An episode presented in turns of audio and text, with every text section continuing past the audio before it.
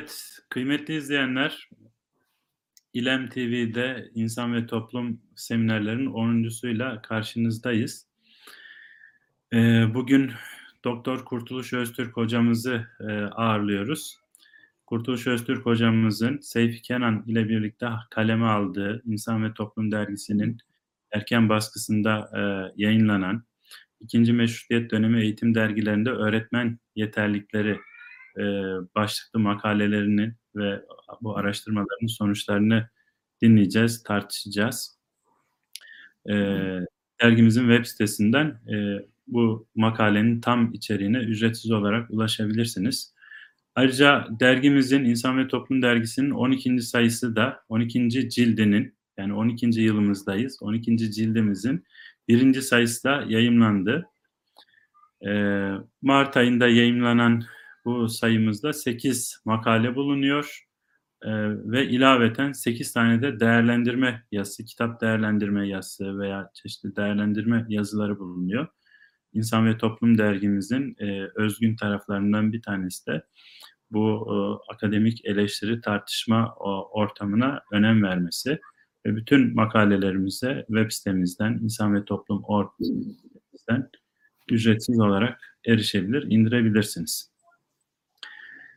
Evet, e, konumuz bu akşam konumuz e, ikinci meşruiyet dönemi eğitim dergilerinde öğretmen yeterlikleri ve konuğumuz Doktor Kurtuluş Öztürk. Kurtuluş Öztürk hocam e, eğitim alanında e, birçok araştırmalar ve e, pratik katkılar da yapıyor. E, İlim Yayma Cemiyeti Eğitim Müdürlüğü'nü yapıyor. İlke Vakfı Yönetim Kurulu'nda, Yaygın Eğitim Kültürü YEK'lerin yönetim kurulunda yer alıyor. Hem e, akademide, araştırma sahasında hem de sivil toplumda e, özgün çalışmalarıyla e, sağ olsun e, katkı veriyor, alana katkı veriyor. E, malumunuz eğitim tarihi, eğitimciler, eğitim alanındaki araştırmacıları düşündüğümüzde eğitim tarihi alanında konusunda yapılan çalışmaların e, sayısal olarak e, ciddi bir azlığı e, söz konusu. O yüzden bu tür çalışmalar, tarihsel çalışmalar biz eğitimciler için çok kıymetli. E, tarihsel bir derinlikte, tarihsel ve düşünsel bir derinlikte e, mevcut durumumuzu, vakamızı e, anlayabilmek için bu tür çalışmalara çok muhtacız. Bu kıymetli çalışmayı yaptığı için hocamıza tekrar teşekkür ediyorum. Hoş geldi, safalar getirdi. Hoş geldiniz hocam. Hoş bulduk Yusuf Hocam. Herkese hayırlı akşamlar. Hayırlı ee, akşamlar. Bugün eşlik ettiğiniz için size teşekkür ederim. Yine İlem TV'ye böyle bir imkan ortam hazırladığı için de teşekkür ediyoruz. Hayırlı yayınlar dileriz. Eyvallah. Hocam öncelikle e, tabii dinleyicilerimiz yani farklı e, arka planlardan geliyor olabilir. O yüzden öncelikle ikinci meşrutiyet döneminden biraz bu ikinci meşrutiyet dönemindeki düşünce ortamından, temel meselelerden biraz bahsederek e, sosyal bağlamını anlayarak konuya giriş yapabiliriz diye düşünüyorum. Nasıl bir dönemdi? Yani ikinci meşrutiyet deyince hangi dönem bu, ne oldu, ne oluyordu o dönemde?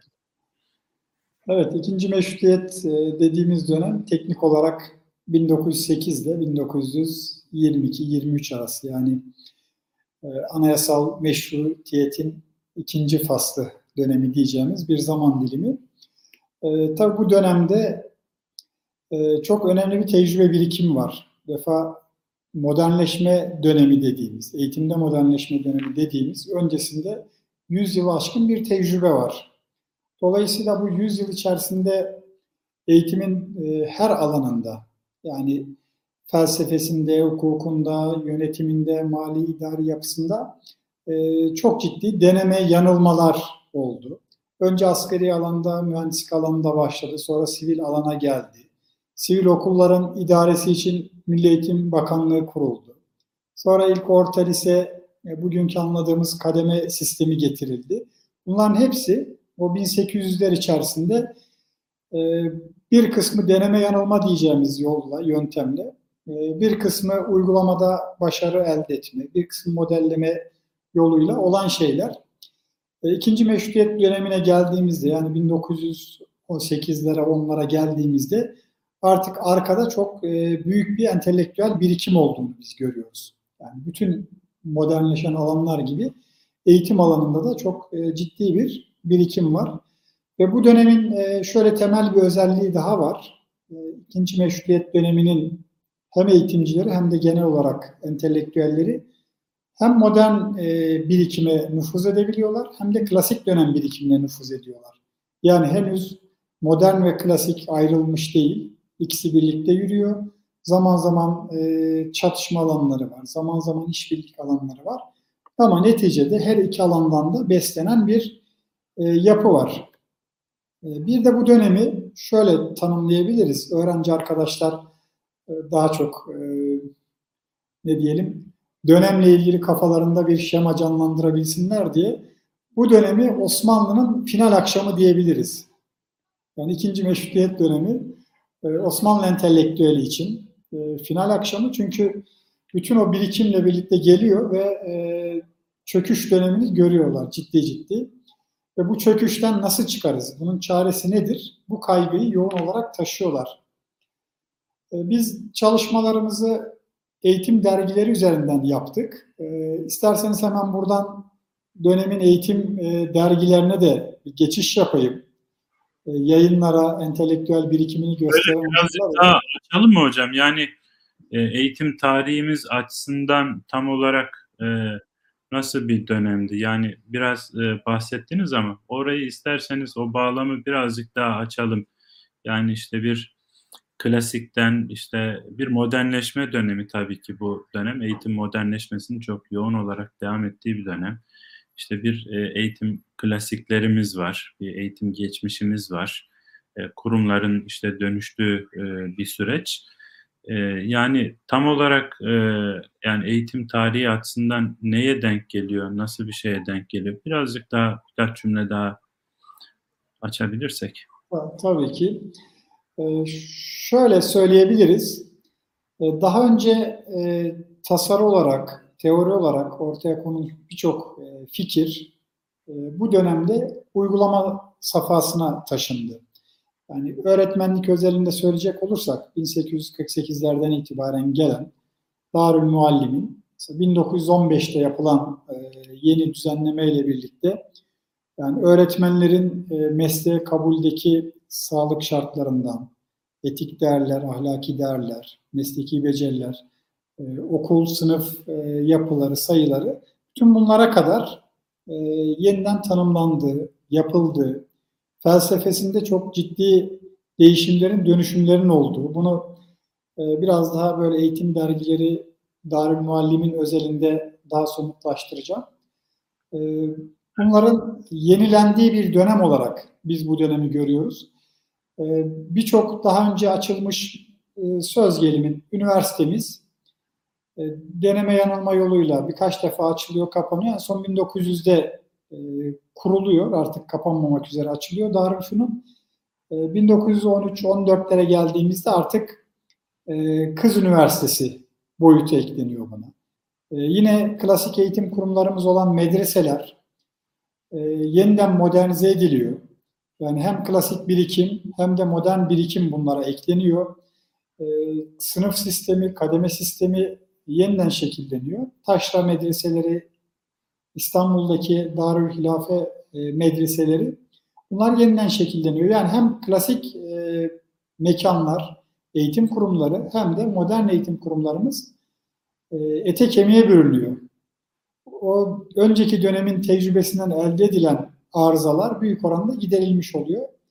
Tabii ikinci meşrutiyet döneminde başka bir sıkıntı ortaya çıkıyor. Bu sıkıntıda artık e, kaynaklar tükenmiş. Birinci Dünya Savaşı'na giriyoruz. Yani siz e, birikimi alıyorsunuz. Ne yapabileceğinizle ilgili bir kanaatiniz oluyor. Ne yapacağınıza karar veriyorsunuz ama artık e, fiziki imkanlar, şartlar, ekonomik boyut e, bunlar size büyük oranda imkan vermiyor. Ancak fikir olarak, deneyim, tecrübe olarak bu dönem ortaya konulan birikim, ortaya konulan modeller e, sonraki döneme de örneklik teşkil edilecek. Zaten Cumhuriyet döneminin bir ön sözü gibidir ikinci meşrutiyet dönemi.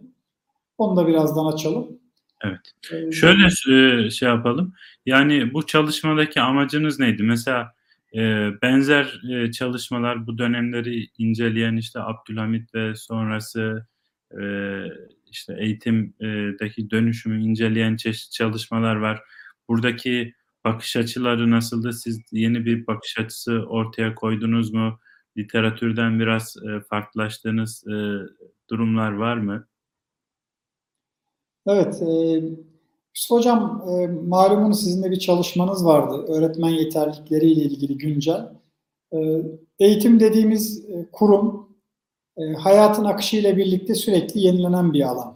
Yani toplumsal inkılaplar, dünya çapında meydana gelen değişimler eğitimde de sürekli yenilenmeyi meydana getirir. Dolayısıyla öğretmen yeterlilikleri meselesi de, eğitim kurumlarının yeterlilikleri meselesi de benzer şekilde eee, sürekli bir değişim, dönüşüm içerisinde.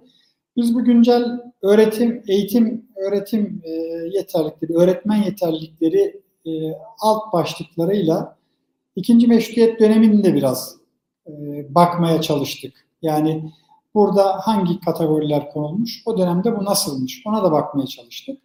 Önceki döneme de bakmaya çalıştık ama eee, ikinci meşrutiyet döneminde öğretmen yetiştirmenin merkezi bir yere taşındığını biz gördük.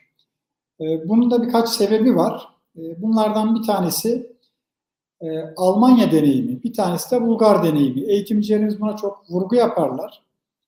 Eee, ikinci meşrutiyete gelene kadar, yani eğitime yine vurgu yapılıyor, eğitimin önemi 18, 19. yüzyıl boyunca sürekli takdir ediliyor. Ancak ikinci meşrutiyet, özellikle Balkan Savaşları'ndan sonra eee, eğitimin, öğretmenin konumu çok daha eee, net ve keskin bir şekilde ayrışıyor. Mesela Almanlardan bir hikaye anlatılır.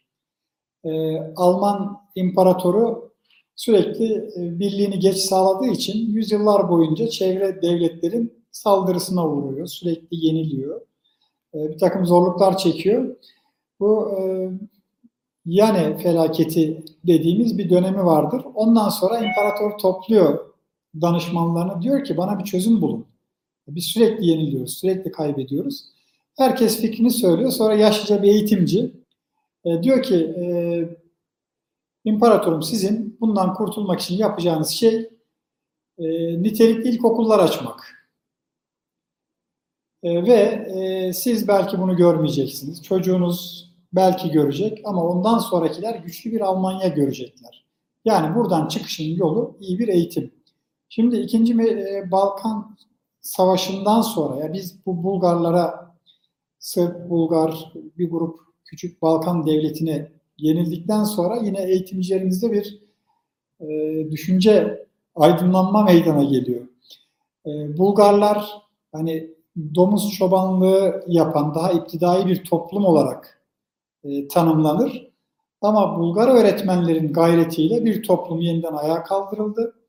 E, dolayısıyla eğitimle birlikte sadece kısmi lokal iyileşmeler, teknoloji anlamında, bilim anlamında lokal iyileşmeler değil, tüm toplumun ayağa kaldırılması, tüm toplumun eğitilmesi ve birlikte kalkınma.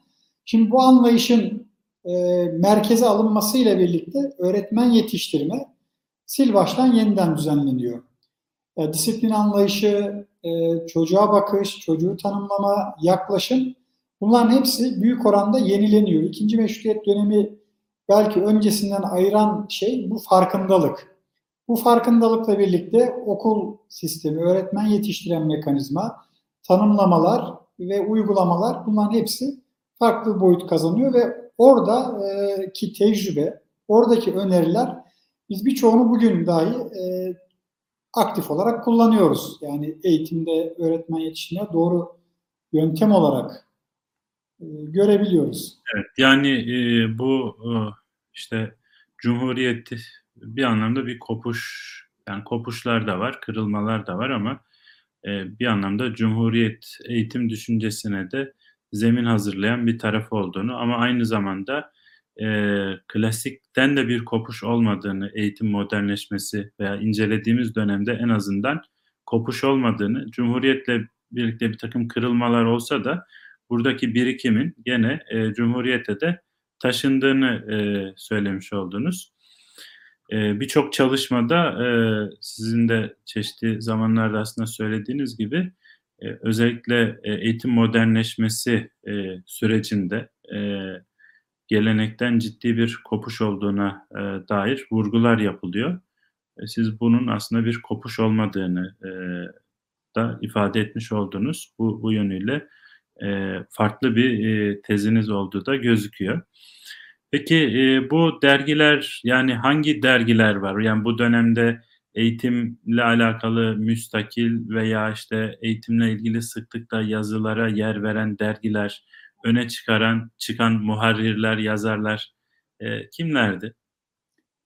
E, hocam tekrar az önce e, söylediğim bir benzetmeyi yeniden vurgulamak isterim. Yani ikinci meşrutiyet dönemi Osmanlı aydını için final akşamı e, demiştim. E, buradan Hediyetullah Aydeniz Hoca'ya da bir gönderme yapalım. Onun çalışmalarından bir tanesinde e, Osmanlı döneminde e, gazete, dergi sayısı ile ilgili verdiği bir rakam 1700'ün üzerinde gazete ve dergi e, tespit edilmiş. Peki bu 1700'ün e, üzerindeki gazete, derginin ne kadarı ikinci meşrutiyet döneminde çıkmıştır dediğinizde bununla ilgili de 1927 yılında Ayın Tarihi diye bir dergi yayınlanıyor. O derginin e, seri halinde birkaç sayısında ikinci meşrutiyet döneminde çıkan e, dergi ve gazetelerin listesini veriyor. Tabii bu dergi ve gazetelerin bir kısmı belki yayın hayatına girememiştir. E, belki hani sadece iznini aldı kaldı ama çok büyük bölümünün biz e, çıktığını biliyoruz. 1500 civarında dergi ve gazete ikinci meşrutiyet döneminde yayın izni almıştır.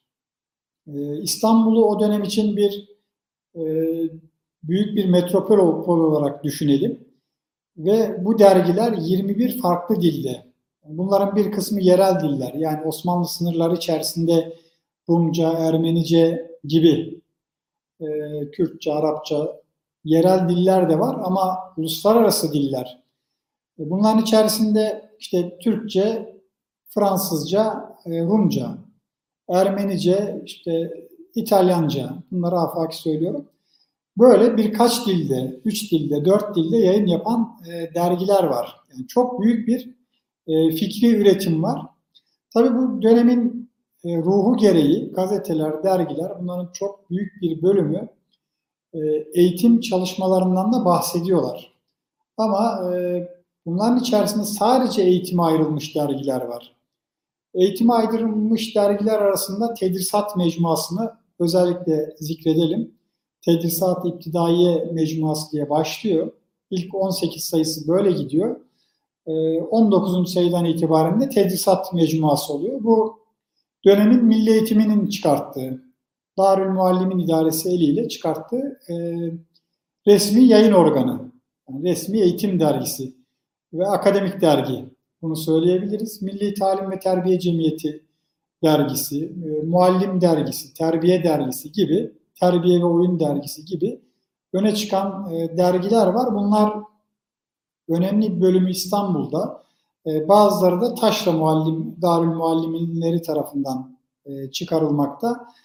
E, bu dergilere baktığımızda onların da e, şöyle özellikleri var. E, bir defa görsellik, e, gelişen basım yayın tekniği itibariyle de oldukça ön plana çıkıyor. Yani önceki dönemden bu yayınları gerçi Abdülhamit döneminden itibaren görsellik var ama ikinci meşrutiyet dönemine geldiğimizde çok daha ilerlemiş eğitim dergileri üzerinden biz e, çok hızlı bir şekilde Amerika'daki, Avrupa'daki e, eğitim gelişmelerini takip edebiliyoruz. Dergilerdeki görsellik bize bunu veriyor. Yani açtığınızda derginin sayılarında e, Budapeşte Darül Muallimindeki sınıftan, laboratuvardan e, görüntüler görebiliyorsunuz. Bükreş Darül Muallimatı'ndaki e, bir ders işlem ortamını görebiliyorsunuz. Yani bu görsellikler uluslararası hareketliliği, etkileşimi çok e, ciddi anlamda taşıyor. E, bugün biz eğitim teknolojilerinden bahsediyoruz. İşte EBA e, bir eğitim teknolojisi, uzaktan erişim imkanları bir eğitim teknolojisi. o dönem e, sıralar, eğimli sıralar, işte sanat çalışmaları için eğimli sıra bir yerde bunlar kullanılmaya başlamış. Bizim eğitim dergilerinde onu görüyoruz. Çocuk oyunları, işte spor etkinlikleri veya Almanya'da bir açık hava okulu. Onun resimlerini biz oradan takip edebiliyoruz. Amerika'daki bir uygulamayı biz e, eğitim dergileri üzerinden takip edebiliyoruz. Dolayısıyla eğitim dergileri hem görsellik olarak eğitimi çok güçlü bir şekilde aktaran bir araç hem de uluslararası tecrübeyi taşıyan bir araç olarak biz onu görüyoruz. E, şunu da söyleyelim. E, dönemin eğitimcileri gerçekten e, uluslararası literatürü de çok iyi takip ediyorlar. Sadece görsellik değil. Zaten e, ekonomik olarak ülkenin durumu kötü bile olsa çok sayıda öğretmen yurt dışına eğitim almak üzere gönderiliyor. Mesela meşhur bizim beden eğitimini, İsveç jimnastiğini buraya getiren Selim Sırrı Tarcan gidiyor İsveç jimnastiği üzerine ihtisas yapıyor. Yine birçok düşünür e, orada eğitim alıyor, eğitimci eğitim alıyor. E, metinleri okuduğumuzda biz antik Yunan e, düşünürlerinden, bir e, Eflatun'dan, Aristo'dan, yakın zamana doğru geldiğimizde işte Descartes'tan, Pascal'dan, Hobbes'tan, Tyler'dan, e, Montessori, Rousseau, Froebel yani hem eğitimciler hem de felsefeciler anlamında çok ciddi bir atıf görüyoruz. Metinlerin içerisinde bunlara atıf yapıyorlar. Ve bu atıflar sadece oradan e, fikir taşıyan atıflar değil, zaman zaman eleştirel yazılar da var. Yani oradan bir fikri eleştiriyor, bir uygulamayı, bir öneriyi eleştiren işler var. E, başka etkileşimleri de biz görüyoruz. E, dergilerden bir tanesinde Nafi Atuf'un yanılmıyorsam e, İsviçre'den e, çocuk bayramları görselleri göndermiş. Yani bizim 23 Nisan'ın e, benzeri görüntüleri yani çocuklar için bir bayram diye e, dergide başlık olmuş. İşte oradan iki tane de görsel kare. Çocuklar kortej. Çocuklara özel bir bayram yapılıyor. İşte çocuklar baharın gelişiyle birlikte e, işte o sevinç, yeni bir başlangıç ve oradan teklif ediyor. Çocuk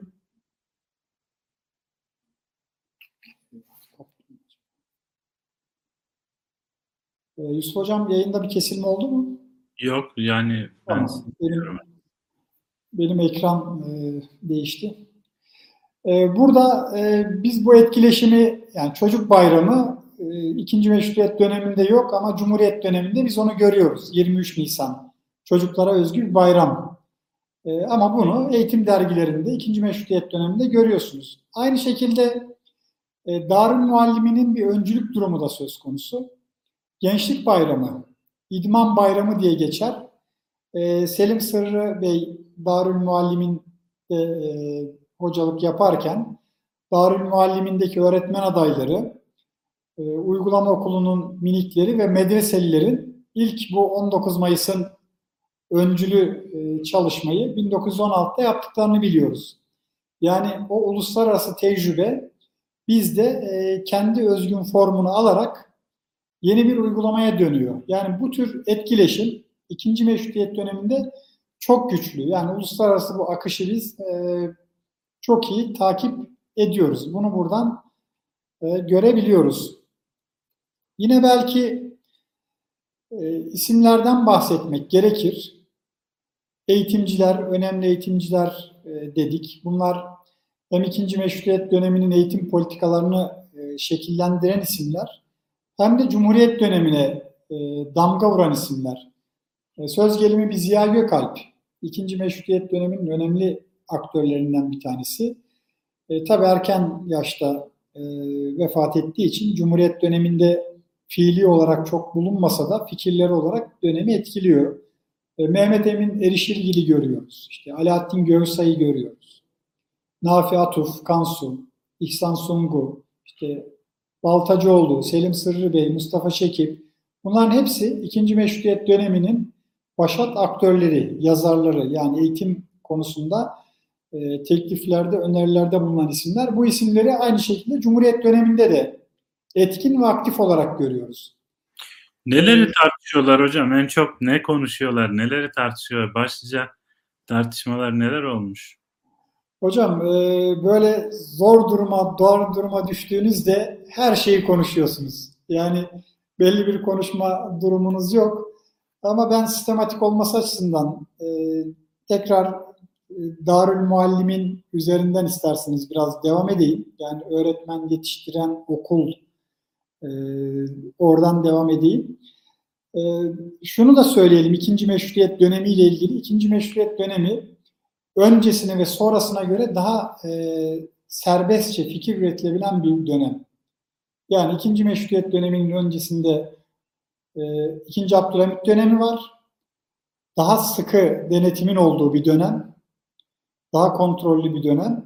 E, Cumhuriyet dönemine geçtiğimizde o dönem de daha sıkı ve kontrollü bir dönem. Yani bir tek parti dönemi boyunu tamamen düşünebiliriz. Yani çok sesliliğin tek sesliliğe büyük oranda düştüğü bir dönem. Şimdi ikinci meşrutiyet dönemi e, eğitimcilerinin konuştukları, tartıştıkları, önerdikleri şey e, ikinci meşrutiyet döneminde damga vurmuş önemli isimlerden e, yöntem tartışmalarından e, bir tanesidir. Millilik, beynelmilerlik. Orada tüm o 100 yıl aşkın tecrübe sonunda geldikleri nokta şu. Biz e, bir tarafından uluslararası birikime nüfuz etmeliyiz. Diğer taraftan kendi e, kültürel birikimimizi taşımalıyız. Bu konuyu Ziya Gökalp kavramsallaştırır. Ee, eğitimi milli ve fenli olarak ayırır. Milli boyutunu kültür olarak tanımlar ve bu kültürün içerisinde dil, din, sanat, iktisat yani toplumun e, tüm birikimi yer alır. Bunu kıymet hükümleri kültür boyutu olarak koyar ve millilik olarak tanımlar. Diğer taraftan uluslararası insanlığın ortak üretimi olan e, teknolojiyi, e, fen birikimini bunu da ortak herkesin alıp kullanabileceği bir birikim olarak. Yani teknoloji alanı ortaktır. O her milletler arasında e, değiş tokuş olur, aktarılır. Ama e, kültür boyutu, o kıymet değer alanı o milletlere özgüdür. O aktarılmaz. Yani onu herkes kendi içerisinde çevirir, bir sonrakini aktarır diğerini alır, e, dünyaya entegre olur. Şimdi bu yaklaşım aslında birçok e, eğitimcide var. E, Cumhuriyet döneminin önemli simalarından gazeteci kimliğiyle bildiğimiz Zekeriya Sertel. E, eğitim yazıları yazar, önemli eğitim yazıları. Mesela Zekeriya Sertel'in şöyle bir e, tespiti var. Şayet eğitim sadece fen e, aktarımı yaparsa, teknik bilgi aktarımı yaparsa bu eğitim sömürge eğitim modelidir der. Hindistan örneklerini falan verir. Yani kültür aktarmayan, toplumsal birikim aktarmayan sadece bilim ve fen odaklı eğitimi sömürge yöntemi olarak söyler. Yani e, çünkü orada kendisine yabancılaşan bir toplum ortaya çıkar ve bu toplum içerisinde bizim e, yol alma, devam etme şansımız olmaz der. Ve bu konuda e, çok ciddi bir ortaklık vardır hemen hemen bütün eğitimciler bu konuda hem fikirdir. Yani eğitimin o çift yönlülüğü, çift boyutluluğu vurgusunu hepsi ortak olarak yaparlar. Ee, çok az böyle istisna Sadettin Celal Antel gibi e, az bir sayıda isim bunun aksi söyler ama büyük bölümü bu konuda e, hem fikirdir diyebiliriz. Yusuf Hocam. Eyvallah hocam. Ee, peki o zaman birazcık daha e, şey yani Darül Muallim'deki gelişmelere de biraz temas ettiniz. Belki bilmiyorum Aslında, oradan. Darül yani, Muallim'inden biraz devam edelim. Oraya e, bir iki çok, şey daha söylenebilir belki. Çok girmedik. E, Darül Muallim'in e, ikinci meşrutiyet dönemiyle birlikte Satı Bey'in Darül Muallim'in müdürlüğüne getirilmesiyle birlikte e, çok ciddi yapılanma geçiriyor. Burada e, teori ve pratiğin e, dengeli bir şekilde verilmesi e, Satıve için çok merkezi bir tutum. E, bunun yansıması olarak e, okul bünyesinde bir tatbikat mektebi, uygulama okulu kuruluyor. Bilmiyorum bugün eğitim fakültelerimizde böyle uygulama okulu kendi içerisinde olan var mı? E, bu uygulama okulu olayı şu. Darül Muallimin, bunu eğitim fakültesi olarak bugün karşılığı koyduğumuzda Darül Muallimin'in içerisinde bir ilkokul açılıyor. Bu ilkokul e, aynı zamanda öğretmen adaylarının e, özellikle 3 ve 4. sınıflarda uygulama yaptıkları bir alan. E, dergilerde yine o uygulama okulunun bir görseli var. Tatbikat Mektebi'nin bir görseli. Orada şöyle bir sınıf düzeni var. Ki siz normal bildiğiniz bir sınıfı e, düşünün, hayal edin. E, orada tahta, tahtanın karşısında sıralar, çocuklar anlatım yapıyorlar. Bunun hemen yan tarafında da, karşısında da sandalyeler var. Bu sandalyelerde e, öğretmen adayları o ders işleyen çocukları izliyor. Yani sınıfı canlandırın. Sıralar var, sıralar konuş, sıralar tahta, öğretmen ders anlatıyor. Yan tarafta onlara yandan bakan, e, uygulama yapan öğretmen adayları. Şimdi burada dersi bitirdikten sonra öğretmen, öğretmen adaylarıyla konuyu tartışıyor. Yani burada öğretmen hangi yöntemleri uyguladı, neyi yaptı, neyi yapmadı, neyi eksik bıraktı, bunu tartışıyorlar. Bazen bu ders anlatan kişi kendi arkadaşları oluyor. Yani bir öğretmen adayımız oluyor. Onun eksiklerini, artılarını izah ediyorlar. Veya konuyu anlatan e, dersin kendi öğretmeni ise bu öğretmenimiz hangi yöntemleri uyguladığını, niye uyguladığını bunları e, genç öğretmen adaylarıyla tartışıyor.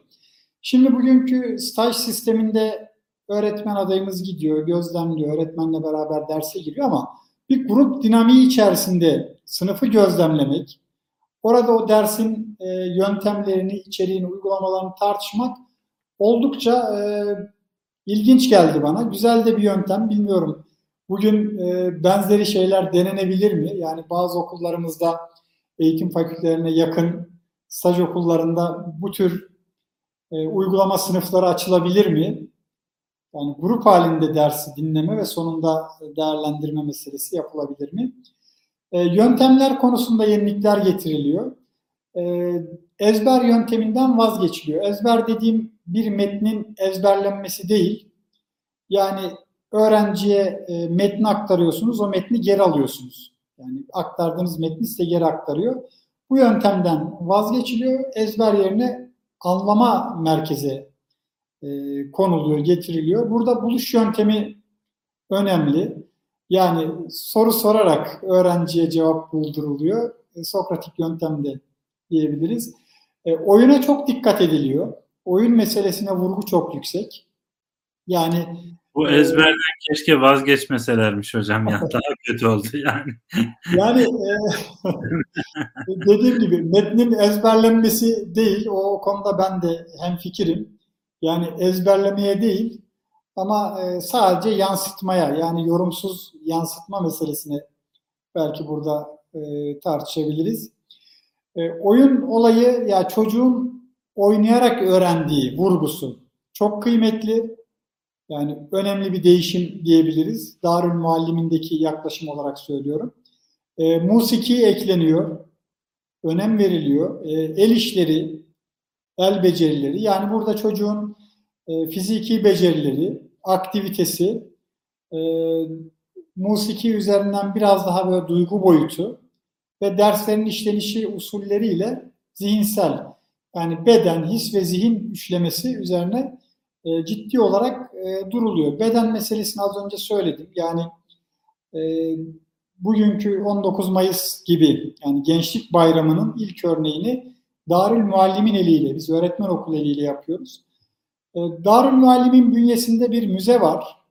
O müzeden de görseller var. Yani e, bugün belki çok e, tasvip etmeyeceğimiz bir şey ama dondur, doldurulmuş, dondurulmuş kuş e, görselleri var. İşte geyik ortasında duruyor, dondurulmuş, içi doldurulmuş. E, madenler var. Darül Muallimi'nin bir marangoz hanesi var. Yani kesme, biçme. Farklı atölyeleri var e, müzesiyle birlikte e, çok ciddi bir kompleks. Yani Köy enstitülerine de bayağı örneklik etmiş gibi gözüküyor bu köy anlamda. enstitüleri evet buradan e, belki ilhamla biraz e, daha sonra Evet, e, ideolojik döneminde değişmiş ama format bayağı e, benzerlikler içeriyor. E, hocam vaktimiz de ilerliyor. E, ben biraz da öğretmen seçimi artık hani bu eğitim düşünürlerinin, eğitim yazarlarının hani öğretmen tasavvurlarıyla ilgili e, konulara da e, gelmenizi arzu ediyorum. E, öğretmen seçimi, öğretmenlerin seçimindeki kriterler, atanmasındaki kriterler, yani kimdir öğretmenliğe layık olan, nasıl bir öğretmen e, almamız, işe almamız lazım, istihdam etmemiz lazım. Bu konuda eğitim düşünürleri, e, incelediğiniz kişiler neler söylüyorlar? Hocam bir defa e, yine dönemin ruhu diyeceğim. E, öğretmenden e, beklenen belki en büyük görev, en önemli vurgu e, topluma umut aşılaması. Yani bunun üzerinde çok duruluyor. Bunun e, üzerinde çokça hakikaten vurgu var. Bu önemli. E, umut aşıması, aşılaması, gelecek vaat etmesi, ümit var olması bir toplumun. E, bu çok öne çıkıyor. 1915'te yapılan düzenlemeyle e, öğretmen seçiminde öğretmenin e, bedensel yeterlilikleri yani engel, hastalık, bulaşıcı hastalıktan e, tutun farklı e, boyutlu hastalıklarının olup olmaması yani sağlık e, şartlarından, kriterlerinden geçirilmesi, işte ahlaki olarak bir takım temel kriterler, mesleki yetkinlik, Hatta e, öneriler var. Yani Avrupa'da artık uygulanıyor. Bir takım bilimsel testler uygulayalım. Öğretmenleri alırken kişiliği buna uygun mu değil mi diye. Bu tartışmaları biz e, metinden e, görüyoruz. Orada yine e, Hala hala konuşuyoruz, hala yapamadık hocam. Yani artık konuşa konuşa yol alamamış gözüküyoruz yani bu söyledikleriniz. 2200 hedeflerimiz arasında belki onu e, katabiliriz. Bu arada e, hatırlatmak istiyorum. Ee, izleyicilerimiz YouTube chat bölümünden sorularını yazabilirler. Hocamız az sonra tamamladığında e, sorularınızı da hocamıza gene yönetmek isteriz. Buyurun hocam. Yani millet olarak ayağa kalkmanın yolu eğitim olarak e, görülmeye başlayınca yani eğitime bu fonksiyon yüksel, yükselince e, öğretmenler de doğal olarak biraz daha titiz e, seçilmeye çalışılıyor. E, disiplin anlayışı konusunda mesela yeni öğretmenden e, beklentiler var, disiplin. Bugün de e, konuşuruz ama o zaman çok canlı tartışılıyor. Yani çocuğun okulda özgüven kazanması, kendisini ifade etmesi bunu uluslararası artık değişen, bakın savaş şartlarında o kadar böyle sakin tartışıyorlar ki. Yani bu savaş bir gün bitecek. Dünyada e, ticaret, e, müteşebbis bireyler yeni kurulacak dünyayı bunlar şekillendirecek. Yani bizim çocuklarımız özgüvenli bir şekilde bu okullardan çıkabilecekler mi? Ne kadar bu uluslararası e, yetkinlik alanına hitap edecekler? E, bunu biz sağlamalıyızı tartışıyorlar. Bu yüzden de öğretmenin mesela yeni bir disiplin anlayışıyla e, alınması, meslekte bulunması, tutarlı, hoşgörülü, işte irade ve özgüven gelişimini sağlayacak bir öğretmen e, arıyorlar. Öğretmenin mesleki bilgisi konusunda da yine e, şöyle evet, şeyler yani, öneriler. yani öğretmen yeterliklerini konuştuğumuzda hep işte hani bilgisi, alan bilgisi, işte meslek bilgisi gibi ayrımlar yapıyoruz. Becerileri, bilgi beceri birlikte genellikle ele alınıyor. E, tutumları, değerleri, e, genellikle öğretmen yeterliklerini bu boyutlarda tanımlıyoruz. Sanırım e, o dönemde de e, yani sizin sınıflamanıza göre makalede bu kategorilere denk gelen bir takım tanımlamalar var gibi gözüküyor. Evet, e, bunu söyleyebiliriz. Yani öğretmenden e, bir kere mesleki bilgisini yani alanı her neyse o konuda e, yeterli bilgiye sahip olması isteniyor. Ama bunun dışında e, pedagoji bilmesi gerektiği, yani öğretmenin. O dönem e, malumunuz pedagojiye çok vurgu var. Yani yakın takip ediliyor. E, sosyoloji bilmesi, Ziya Gökalp buna çok e, vurgu yapar. Sosyoloji, psikoloji, e, bunların bilinmesi önemli olarak görülür. E, bir şey daha var e, Yusuf Hocam. Bunu da belki altını ayrıca çizmek lazım. Eğitim felsefesi noktasında önemli bir vurgu.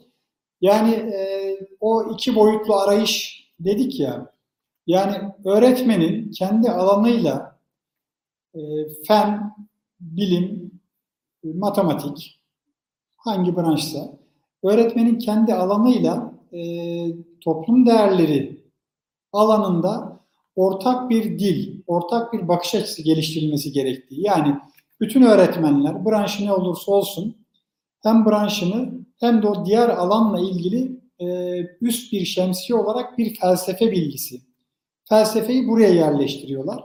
Yani bütün alanlar arasındaki ahengi sağlayacak bilim, uyumu sağlayacak e, bilim olarak felsefeyi çokça vurguluyorlar. Bu alan bilgisinin yanında yani sosyoloji, psikoloji, pedagoji vurgusunun yanında felsefe bilgisi de çok... Yani bugün günümüzde hep onu söylüyoruz. Yani öğretmenlerin mutlaka hani her öğretmenin felsefesi vardır ama hani e, bu konuda birazcık daha yetkinleşmesi gerekiyor. Yani öğretmenlerin iş tutarlılığını yapıp ettiklerinde, eylemlerinde, pratiklerindeki tutarlılığı sağlayabilecek olan e, şey aslında felsefe yapıp ettiği her şeyi anlamlandırmasını, konumlandırmasını e, sağlayacak.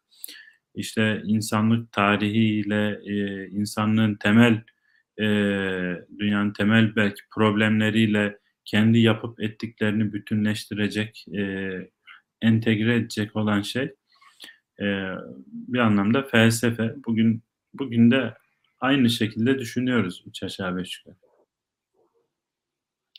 Hocam bu gerçekten e, çok kıymetli bir şey. E, eğitimcilerin vurgusu şu, şayet e, bu iki alan yani bilim değer alanı özellikle ortak bir dille, ortak bir anlayışla verilmezse çocukların zihin, zihninde ve ruhunda parçalanmaya sebep olur.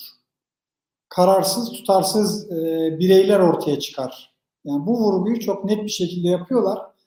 Yani günümüz tartışmalarında e, sürekli işte yani bilim, mevcut bilimi yakalamak, dünyadaki bilimsel gelişmeye entegre olmak, yani bu vurguyu çok sık yapıyoruz. Ama o bu e, vurguyla birlikte o uyum meselesini yani farklı öğretmenlerin kendi e, zihin dünyasıyla o bütünlüğü ıskalayarak herkes kendi zihnindekiyle e, orada bulunuyorsa, sınıfta bulunuyorsa, orada bir şey aktarıyorsa ve bunlar birbiriyle zaman zaman çelişiyorsa o çocukta e, dünyada parçalanmasına sebep olur. Vurgusunu ifade ediyorlar. Ya yani bunu bugün bile aşmamız gereken bir mesele olarak e, şahsen düşünüyorum. E, bu konuda belki farklı çalışmalara da ihtiyaç var. E, mesleki beceri noktasında yine e, bugün de kabul ettiğimiz birçok ilkeyi vurguluyorlar.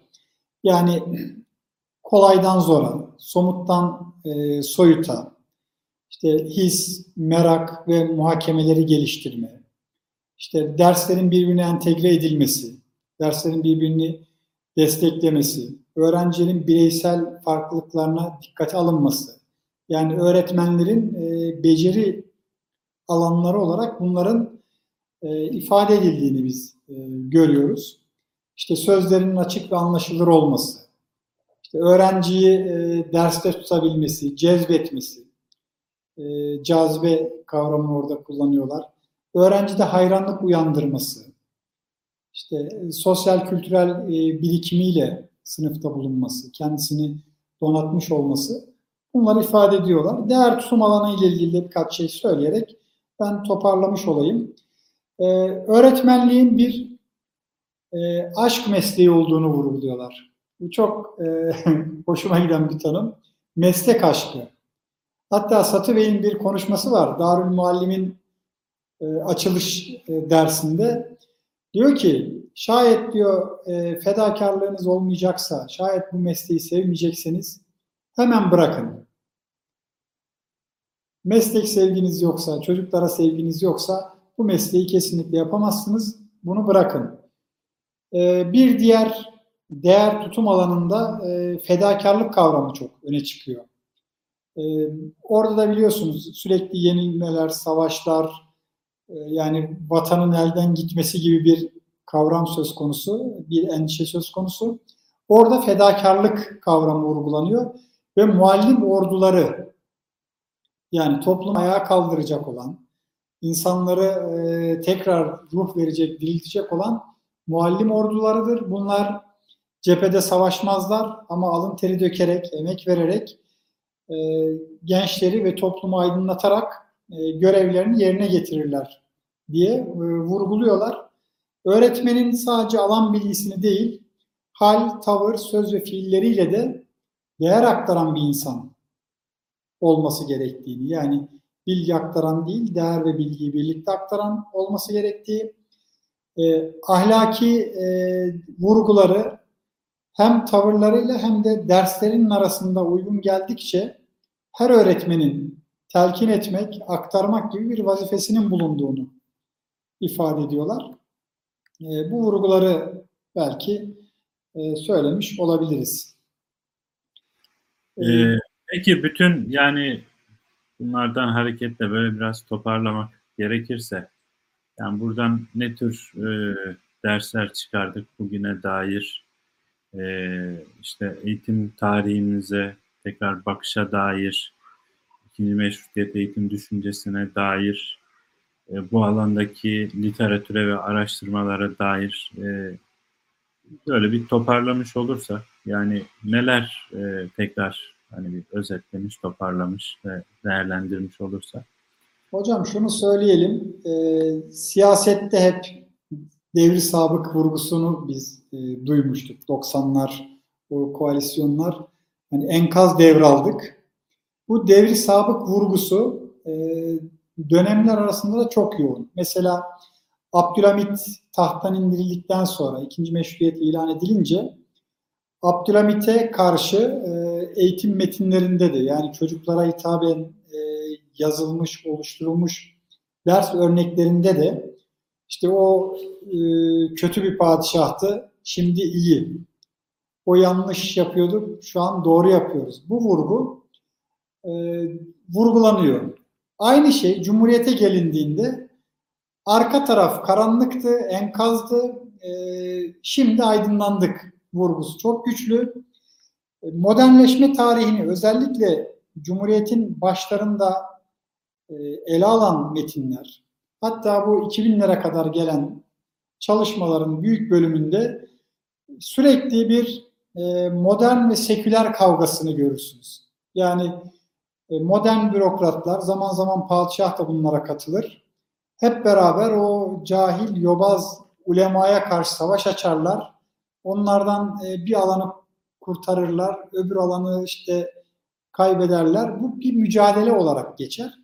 Aslında metinlere baktığımızda bizim modernleşme dönemi eğitim sisteminin ana metinleri yani Darül Muallimin nin e, nizamnamesini yazan kişi Ahmet Cevdet Paşa.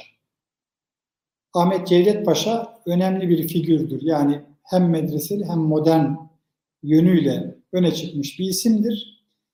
E, birçok komisyonda, kurulda biz bakıyoruz hem ulemadan hem modern e, bürokrasiden isimler var. Yani Osmanlı modernleşme arayışı çatışmadan ziyade yeni olanı var olanı entegre etme, yeniyle uyumlu bir şekilde dönüşme, değişme, gelişme e, çabası gibi e, ben okumamı yapıyorum. Bu konuda özellikle ikinci meşrutiyet, e, yani ikinci Abdülhamit dönemi okullarını vurgulayan e, Fortna'nın metinleri oldukça sağlıklı e, bir şekilde bunun hakkını teslim etmiş gözüküyor. E, son zamanda yine bu konularda Mustafa Gündüz Hoca'yı da zikredelim eğitim tarihi konusunda e, velüt yazarlardan, araştırmacılarımızdan, hocalarımızdan bir tanesidir. E, ikinci meşrutiyet dönemi, biraz devrin şartları, biraz ülkenin gerçekliği, dünya gerçekliği, bütün bunlardan hareketle, önceki birikimle e, ortaya çıkan duruma uygun bir şekilde eğitim çalışmaları, çabaları yürütülen bir e, süreç. Kendi dönemlerinin gerçekliğiyle hareket etmişler. Temel çabalarının merkezinde var olmak, ayakta kalmak, yani devletlerin yıkılmasını engelleme e, çabası var. E, maalesef savaş, Birinci Dünya Savaşı, imparatorluğun yıkılması birçok projenin hayata geçemeden yarım kalmasına sebep oluyor ama o birikim Cumhuriyet dönemine aksediyor. Cumhuriyet döneminde o ideolojik kırılmayı sert bir şekilde yaşıyoruz. Yani ikili arayış e, tevhid tedisatla birlikte ikinin birisini bırakıp tek şerit olarak ağırlıklı devam şeklinde bir e, gidişata dönüşüyor. Böyle bir sürecimiz evet. Ee, bir e, izleyicimiz de bir soru sormuş. Tam da sizin söylediğinizi belki hani örtüşen bir soru. Diyor ki eğitim öğretim alanında felsefenin etkisi, meslek aşkı, fedakarlık gibi kavramlar ikinci meşrutiyet döneminde konuşulan, tartışılan konularken Cumhuriyet'in ilanıyla eğitim anlayışında bir kısırlaşma mı yaşandı diye soruyor. Eğitim anlayışında e, Cumhuriyet döneminde de öğretmenlere yine başat e, rol veriliyor. Yani Cumhuriyeti yaşatacak, yüceltecek, halka Cumhuriyeti değerlerini anlatacak olan e, kişiler öğretmenlerdir. Ama eğitimin felsefesinde ciddi bir kırılma yaşıyoruz. Yani o e, hem yerli milli, oradaki ikinci meşrutiyet dönemiyle Cumhuriyet döneminde de millilik vurgusu var. İkisini temel ayıran şey dindir. Dinle ilgili kısımdır. Yani ikinci meşrutiyet döneminde milli eğitim, milli terbiye denildiğinde bunun e, içerisindeki başat e, unsurlardan bir tanesi yani din e, dildir, kültürdür. İbrahim yani millilik derken orada. Nasıl? millilik derken milleti İbrahim e, İslam milleti. Çünkü Osmanlı millet sistemi de herhalde. Evet. Din temelli bir millet sistemi var. Oradaki kastediliyor. Oradaki milli e, büyük oranda dini e, içine alan, rengini oradan alan bir millilik. Diğer tarafta Cumhuriyet dönemindeki o aşk, e, o milliliğin içerisindeki o e, din vurgusunu daha geri plan atan ama Cumhuriyet değerlerini yücelten e, biraz daha böyle kültür ve ırk e, temasına indirilmiş olan yani din eksenli tanımlamadan e, ne diyelim Türkiye sınırları içerisinde yaşayan kitleyi e, içine alan, Türk kavramını içine alan bir e, milliyete dönüşüyor ve o şekilde devam ediyor. Ve şunu da rahatlıkla söyleyebiliriz. Yani ikinci meşrutiyet döneminin o çok sesli, çok boyutlu, daha serbest düşünme e, kısmını Cumhuriyet sonrasında görmek ve bilmek o kadar kolay değil. Çünkü orada artık Cumhuriyet kendisini tanımlamış, ideolojik olarak konumlandırmış, geçmişi bir yere e, koymuş ve siz yeni tanımın içerisinde tüm o üretimi yapmanız gerekiyor. Teknikler, yöntemler, e,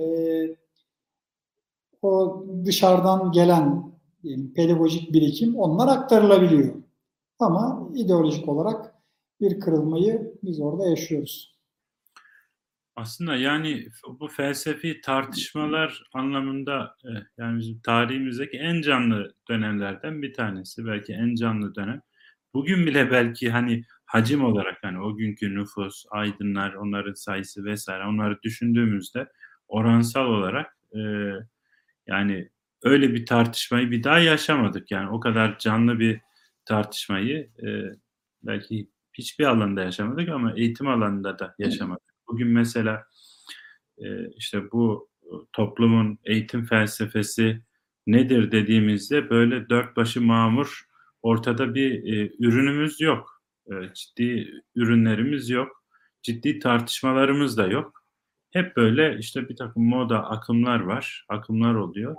Bu modayı geriden takip etmeye çalışıyoruz. E, bu aynı özgüvenle yani o dönemki e, özgüvene benzer bir özgüvenle sanırım bir daha tartışamadık henüz bu konuları. İnşallah e, önümüzdeki dönemlerde bunları yeniden açık bir şekilde, e, güçlü, cesur bir şekilde tartışmak bu millete nasip olsun e, diyelim. Böyle bir temenniyle e, sanırım başka sorumuz da yok. E, programımızı burada sonlandırmış olalım. Ben tekrar e, Kurtuluş Öztürk hocamıza bu kıymetli çalışması ve e, sunumu için çok teşekkür ediyorum. E, İnsan ve Toplum dergimiz e, 12 yıldır yayın hayatına devam ediyor. İşte burada dinlediğiniz e, türden çok kıymetli çalışmalara yer veriyor. E, titizlikle e, dergimiz çalışmalarını yürütüyor. E, Türkiye'de sosyal bilimlerin insana, topluma dair araştırmaların, nitelikli araştırmaların yayınlandığı, tartışıldığı bir mecra olmaya devam ediyor. Ee, bizi biz e, toplumu izliyoruz. Siz de bizi izlemeye devam edin. Ee, hayırlı akşamlar diliyoruz. Allah'a emanet olunuz. Kurtuluş Hocam. Hayırlı akşamlar. Ben de çok teşekkür ediyorum hem size eşlik ettiğiniz için kıymetli hocam hem de İlem TV'ye dinleyen e, tüm dinleyicilerimize, izleyicilerimize teşekkür ediyorum. Thank you.